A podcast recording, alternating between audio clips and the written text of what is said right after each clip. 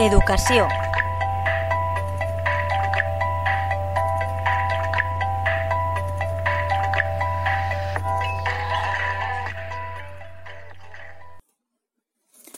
Buenas tardes amigos de la Tegua Radio.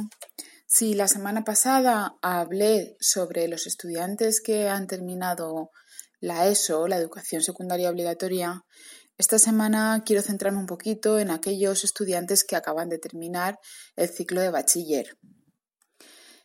Han terminado ya y ahora se, van a enfrentar a una de las pruebas más importantes en la vida de un estudiante. En la comunidad valenciana se llama la PAU, la prueba de acceso a la universidad. Si desde muchos institutos se hace la inscripción para esta prueba, eh, solo me cabe mencionar que es hasta el día 30 de mayo. Pero como ya he dicho, si normalmente se hacen desde el instituto, pues me imagino que ya casi todos los alumnos estarán matriculados en la misma. Recordamos que esta prueba se realizará el día 4, 5 y 6 de julio. Son tres días de, exámenes en los que los alumnos deben de plasmar en estos tres días todo lo aprendido durante, durante el año de bachiller. Los resultados de las notas eh, saldrán el día 14 de junio a partir de las 2 de la tarde, pero eh, todos deben de saber que se pueden hacer reclamaciones a estas notas y habrá que solicitarlas los días 17, 18 y 19 de junio y la resolución saldrá el día 21 de junio, ¿vale? Y también hay que, saber que, todo el mundo tiene derecho a ver el examen. Para ello habrá que pedirlo el 3 o el 4 de julio y la visualización de los exámenes se hará el día 8 de julio. Bueno, por mi parte, quiero desearle mucho ánimo y mucha fuerza a todos los estudiantes de, que acaban de terminar bachiller y qué mejor forma de hacerlo que dándoos algunos consejos.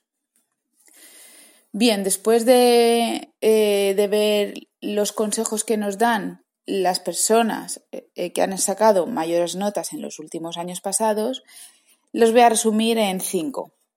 En primer lugar, estas personas nos aconsejan que tenemos que confiar en uno mismo y en el trabajo que hemos realizado durante el bachiller. ¿Qué significa esto? Pues que no vale solo con estudiar los días antes de la prueba, que hay que hacer un gran esfuerzo a lo largo de todo el bachillerato para tener una buena base. Y que además es importante confiar en uno mismo y en el trabajo realizado, que nos hemos esforzado, que hay que potenciar los pensamientos positivos, que hay que convencerse de que es un simple examen, igual que los que se han hecho durante todo, todos los años. Además, el trabajo constante va a permitir no tener que hacer sobreesfuerzos en la recta final del curso. Si hemos llevado un trabajo constante durante todo el bachiller, no vamos a, tener que hacer un gran esfuerzo para preparar la PAU. Otro de los consejos que nos dan es contar con un plan para repasar los temas. ¿Qué significa esto? pues que eh, para no ir apurados en el último momento, se recomienda hacerse una estructura, una organización de las últimas semanas donde se reparte el trabajo. Se puede hacer un horario con los temas que hay que, repasar cada día, así que se puede estudiar un ratito por la mañana, un ratito por la tarde, pero siempre teniendo espacios de descanso. Este calendario hay que cumplirlo al máximo para repartir bien eh, los temas de estudio y no ir, como hemos comentado antes, más sobrecargados a última hora. El hecho de estudiar sin agobios va a facilitar el aprendizaje del temario. Es decir, si nos organizamos un horario que lo cumplimos y que nos permite durante el día tener espacios de descanso, va a facilitar que, eh, el aprendizaje de estos temas. Es mejor estudiar un mes durante dos horas al día que hacerlo una semana antes estudiando hasta, hasta la madrugada. Se retiene mucho mejor los conocimientos estudiando poco a poco. Otro de los consejos que, que nos dan es repasar los exámenes de años anteriores.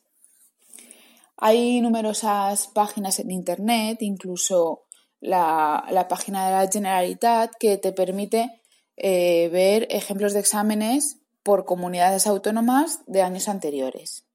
Me imagino que hasta en los institutos se os van a facilitar ese tipo de exámenes. El hecho de hacer eh, los exámenes de años anteriores te va a dar más confianza porque te puedes dar cuenta de que hay cosas que sabes hacer, que no es un examen tan diferente a los que has hecho. Se ven también los tipos de ejercicios que suelen salir o que pueden salir, cómo se puntúan eh, y que no es lo mismo saber el temario que saber hacer los exámenes. Otro de los, de los consejos, y me parece que es el más importante, es descansar bien la noche de antes y no estudiar el día del examen. Una frase muy bonita que he leído de una alumna es que la selectividad asusta, pero es un examen más. Tú tienes miedo de olvidarte lo que sabes. Por lo tanto, si ya lo sabes, ¿de qué tienes miedo? Si estás asustado, estás asustado de que no se te olvide el contenido. Pues si se te olvida es porque ya lo tienes retenido. Por lo tanto, hay que intentar descansar muy bien la noche de antes, estar tranquilo, estar descansado ese día y no estudiar. Evita preguntar a compañeros que te puedan liar, evita eh, llevarte apuntes y lo mejor es ponerse unos cascos, escuchar música para relajarse antes de la prueba e ir confiado en uno mismo.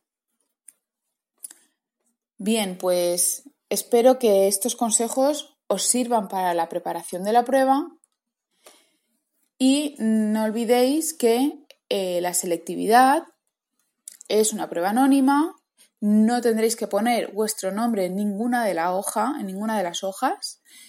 Tendréis que presentar el DNI, revisar bien el material que tengáis que llevaros, si tenéis que llevaros calculadora o algún instrumento de dibujo o algún diccionario. Repasaros las normas de corrección.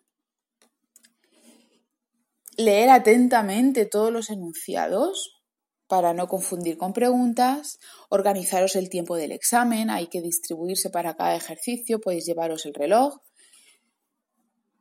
y, y ya sabes que tu peor enemigo son los nervios.